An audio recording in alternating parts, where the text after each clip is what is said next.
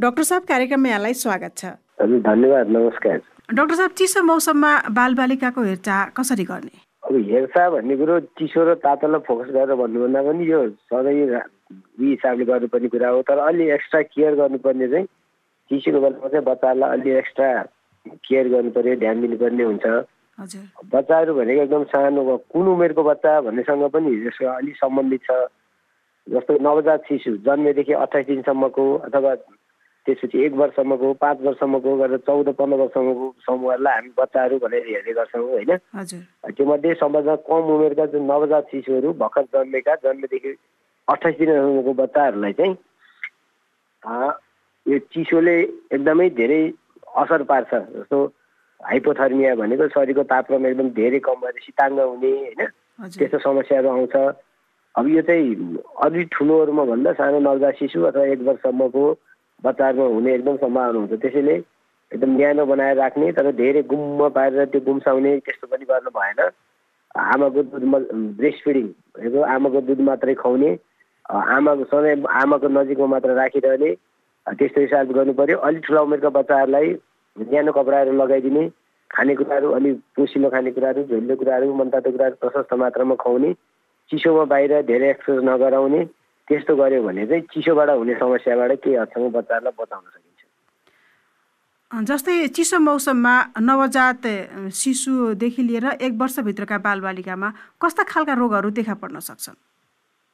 मैले भने अब यो चिसोमा सबभन्दा बढी हुने भनेको नवजात शिशुहरूमा चाहिँ त्यो शीताङ्ग भन्ने हुन्छ जुन हाइपोथर्मिया शरीरको तापक्रम एकदम कम भएर बच्चा कठाङ्ग्रिने होइन। हजुर। त्यो चाहिँ नवजात शिशु लगायत एक वर्षसम्मको बच्चाहरूमा हुने सम्भावना अलिक बढी हुन्छ किनकि उनीहरूको बडीको सर्फेस एरिया पनि एकदम कम हुने र हिट कन्ट्रोल गर्ने मेकानिजम पनि त्यो बच्चाहरूमा राम्रोसँग डेभलप भएको हुँदैन होइन? त्यसो भएर शीताङ्ग आउने समस्याहरू हुन्छ। त्यसबाहेक अरू अन्य उमेरका बच्चाहरूमा हुन सक्ने भनेको चाहिँ यो बेलामा हुने रुगा खोकी झाडा पखाला अनि यो कसैलाई यो दमको समस्या छ भने दमको समस्या अझ बढ्ने अनि यस्ता समस्याहरू लगायत यी सामान्य अरू खालका ज्वरोहरू मेनली भाइरल समस्या अथवा निमोनियाहरू हुने सम्भावना चाहिँ चिसोमा अलि बढी हुन्छ। जस्तै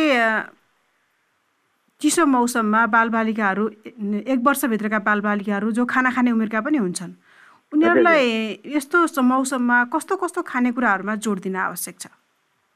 अब खानेकुराको हकमा कुरा गर्नु छ भने जन्मेदेखि छ महिनासम्म जुन हाम्रो नवजात शिशुदेखि छ महिनाको उमेरसम्म चाहिँ अब एउटा एक्सक्लुसिभ ब्रेस्ट फिडिङ भन्छ त्यो भनेको चाहिँ छ महिनासम्म बच्चाहरूलाई आमाको दुध मात्र खुवाउने आमाको दुध बाहेक पानी पनि खुवाउनु हुँदैन।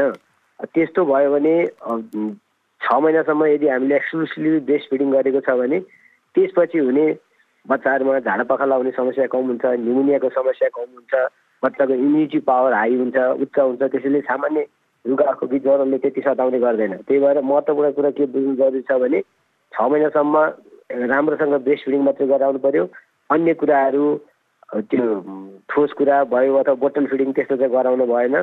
त्यो हो भने बच्चाहरूमा रोगसँग लग्ने क्षमता बढी भएर चिसोबाट हुने असरहरूबाट बच्चाहरू आफै पनि सुरक्षित हुन सक्छन्। त्यस पश्चात छ महिनादेखि अरू फिडिङहरू पनि जन्म बिस्तारै सुरु गर्ने र खानेकुराहरूमा यस्तो बेलामा विशेष गरी ध्यान दिनु पर्ने अलिक पोसिलो खानेकुरा जस्तै दाल भात लिटो जाउलो त्यसमा घिउहरू हालेर अलिक क्यालोरीको मात्रा बढाएर खान दिनु पर्यो।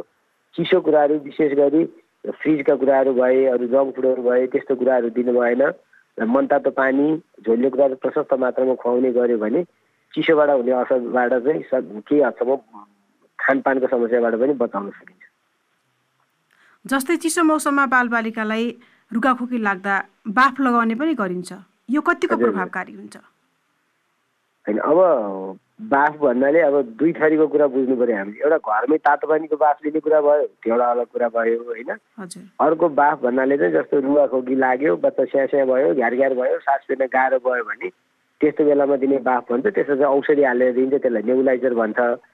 र अब बच्चाहरू कसले बाफ लिन सक्छ सक्दैन भन्ने कुरा आफैले घरमा लिन सक्ने भनेको अलिक ठुलो उमेरको बच्चाहरू छ भने उनीहरूले लिन सक्यो। नत्र सानो उमेरको बच्चालाई हामीले जबरजस्ती त्यो बाफ लिन लगाऊ भन्यो भने त्यसबाट पोल्ने त्यो बन्द हुने त्यो तातोले पोल्ने सम्भावना हुन्छ। त्यसमा सानो बच्चाहरू त्यो प्र्याक्टिस गर्नु भएन। अथवा अन्य कुराहरू जुन सानो घ्यार घ्यार रुगा खोकी लागेको बेलामा छातीमा समस्या भएर आउनेको लागि अर्कै त्यो मसिनबाट दिने बाफ हुन्छ। त्यो छुट्टै कुरा भयो। तर सानो उमेर पाँच वर्षको तलको बच्चाहरूलाई त्यो बाफ लिन लगाउने तातो पानीको बाफ त्यस्तो गर्दा चाहिँ लिन सक्छ कसियसली भन्ने छुट्टै कुरा होइन। नत्र त्यसबाट पोल्ने त्यो बन्ड हुने तातोले पोल्ने सम्भावना भएको हुनाले अलिक ध्यानपूर्वक त्यस्तो कुराहरूमालाई चाहिँ लगाउन सकियो। बच्चाहरूलाई जबरजस्ती बाफ लगाउनु चाहिँ त्यति राम्रो मानिँदैन। जुन उमेरको हुन्छ नि के आफूले केयर गर्न सक्दैन चिसो तातोको ज्ञान हुँदैन तातोले त पोल्यो नि त। होइन? त्यही भएर धेरै तातो पानीको बाफहरू त्यस्तो चाहिँ लिन उपयुक्त हुँदैन सानो उमेरमा चाहिँ। जस्तै बच्चाहरूलाई चाहिँ रुगाखोकी लागेमा घ्यार घ्यार हुने समस्याहरू धेरै हुन्छ। यस्तो धेरै भइसके धेरै भइसकेपछि अस्पताल जाने या सामान्य हुँदा नै अस्पताल जान आवश्यक छ? अब यस्तो भयो। अब कतिपय आमाहरू के भन्दै आउनुहुन्छ भने मेरो बच्चालाई रुगा लाग्यो चार पाँच दिन भयो कमै भएन सिजन भइरहेछ भन्नुहुन्छ। सिम्पल रुगा मात्रै छ ज्वरो छैन खोकेको छैन सास फेर्न बच्चालाई समस्या छैन बच्चाले स्तनपान राम्रोसँग गरिरहेको छ खानेकुरा राम्रोसँग खाइरहेको छ भने सामान्य रुगा सँग कहिल्यै पनि डराउनु परेन। किनकि त्यो रुगा आफै सेल्फ लिमिटिङ आफै बिस्तारै कन्ट्रोल हुने कुरा हो। यो एक प्रकारको राइनो भाइरस भन्छ अथवा अरू विभिन्न प्रकारका भाइरसहरू हुन्छन् त्यसले गर्दा बिस्तारै कन्ट्रोल हुन्छ। यस्तोमा औषधि खुवाउने एन्टिबायोटिक युज गर्ने अथवा रुगाको औषधि खाने भन्ने खासै उपयुक्त हुँदैन। तर रुगा सँगसँगै ज्वरो पनि आयो बच्चाले खोक्न थाल्यो बच्चाको उमेर अनुसार सासको गति बढी हुन थाल्यो कोखा हाल्यो झ्यास्या घ्यार भयो दुध चुस्न गाह्रो भयो जे खान्छ त्यही बान्ता गर्न थाल्यो भने चाहिँ त्यस्तो अवस्थामा सामान्य रुगा भनेर घरमा बसिरहनु भएन। कहिलेकाहीँ त्यो छातीमा असर गर्ने निमोनिया पनि भएको हुनसक्छ। त्यस्तो अवस्थामा चाहिँ नजिकको स्वास्थ्य संस्था अथवा अस्पताल अथवा बच्चाको डाक्टरसँग गएर परामर्श लिनु उपयुक्त हुन्छ। जस्तै यहाँले भन्नुभयो सामान्य रुगाखोकी लाग्दा अस्पताल आउन त्यति डराउनु पर्दैन भन्नुभयो। यसमा चाहिँ घरेलु उपचारहरू के गर्न सकिन्छ? त्यही मैले भने तपाईँलाई अघि सामान्य रुगा मात्रै छ बच्चाले खाना राम्रोसँग खाइरहेको छ। सासको गति बच्चाको उमेरको आधा उमेर अनुसार उसको सासको गति नर्मल छ। त्यस्तो बेलामा चाहिँ आत्तिनु भएन।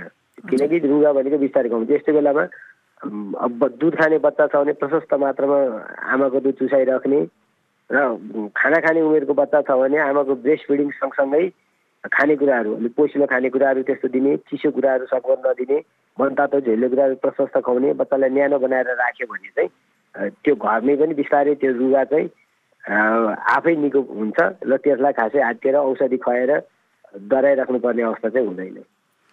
जस्तै डाक्टर साहब अहिले तेल मालिस गर्ने प्रचलन छ। नवजात शिशुदेखि लिएर एक दुई। वर्षको बच्चाहरूलाई चाहिँ तेल मालिस चाहिँ गर्ने चलन छ।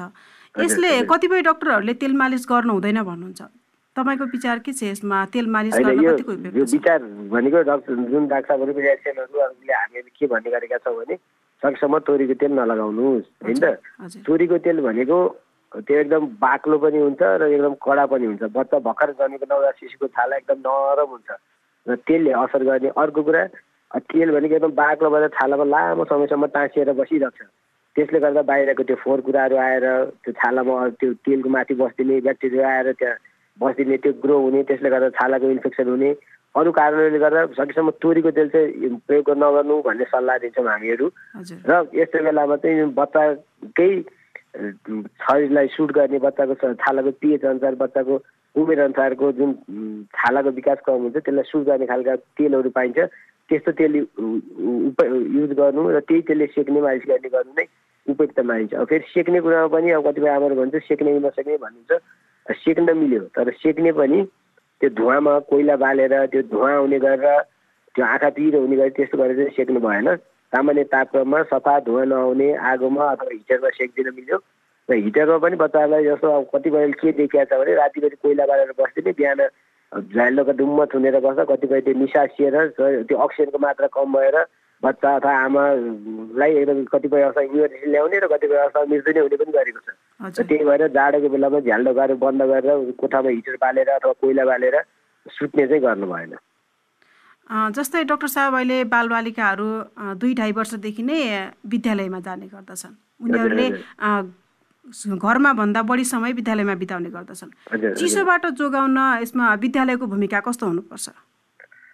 अब अहिले चिसोबाट जोगाउन विद्या घरमा जतिको रोल हुन्छ हामीले घरमा तपाईँले भनेअनुसार घरमा भन्दा नि बढी समय आजकल विद्यालयमै बित्छ बच्चाहरूको। र चिसोले बच्चालाई पनि असर गर्ने भयो। चिसोमा जस्तै एउटा बच्चा कोही छ रुगाखोकी लाग्यो भने त्यो क्लासभरिबाट लाग्छ। किनकि एकदमै हाइली कन्टाइजेसन हुन्छ जस्तो बच्चाले खोक्छ आछ्यु गर्छ होइन? श्वासको त्यसै किटाणु निस्केर सब बच्चालाई सर्ने सम्भावना हुन्छ त्यही भएर घरमा पनि के गरिदिनु पर्ने रुगाखोकी लागेको छ बच्चा अलिक बिरामी जस्तो छ भने तपाईँले स्कुल नपठाउने एक दुई दिन घरमै होल्ड गरेर राख्ने। र त्यसपछि स्कुलमा पनि अब कोठाहरू अलिक घाम लाग्ने कोठाहरूको व्यवस्था गराइदिनु पर्यो। त्यति भएन भने कोठाहरूमा अलिक न्यानो कोठाहरू न्यानो पात्रमा बनाइदिने कपडाहरू राम्रोसँग लगाइदिने छैन भने एसीहरू त्यस्तो पनि प्रयोग गरेर बच्चाहरूलाई न्यानो बनाएर राख्न सकिन्छ। र त्यो चाहिँ विद्यालयको एकदम अहम भूमिका हुन्छ। त्यो कुरामा विद्यालयले पनि ध्यान दिनु जरुरी हुन्छ। हस् त डाक्टर साहब अन्तमा यहाँको सुझाव के छ?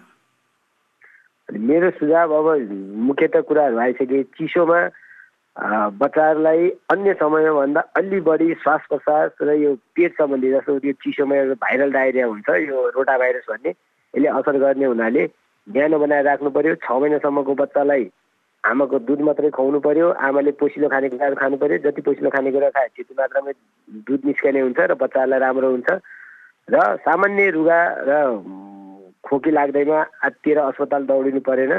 रुगा खोकी सँगसँगै ज्वरो आयो सासको डर बढ्यो कुखा आन्यो बच्चालाई दुध खान गाह्रो भयो त्यस्तो अवस्थामा चाहिँ तुरन्त स्वास्थ्य संस्था जानु होला भन्ने म म्यासेज दिन चाहन्छु। हस् त डाक्टर साहब समय दिनुभयो। यसको लागि यहाँलाई धेरै धेरै धन्यवाद। हस् थ्याङ्क यू हस्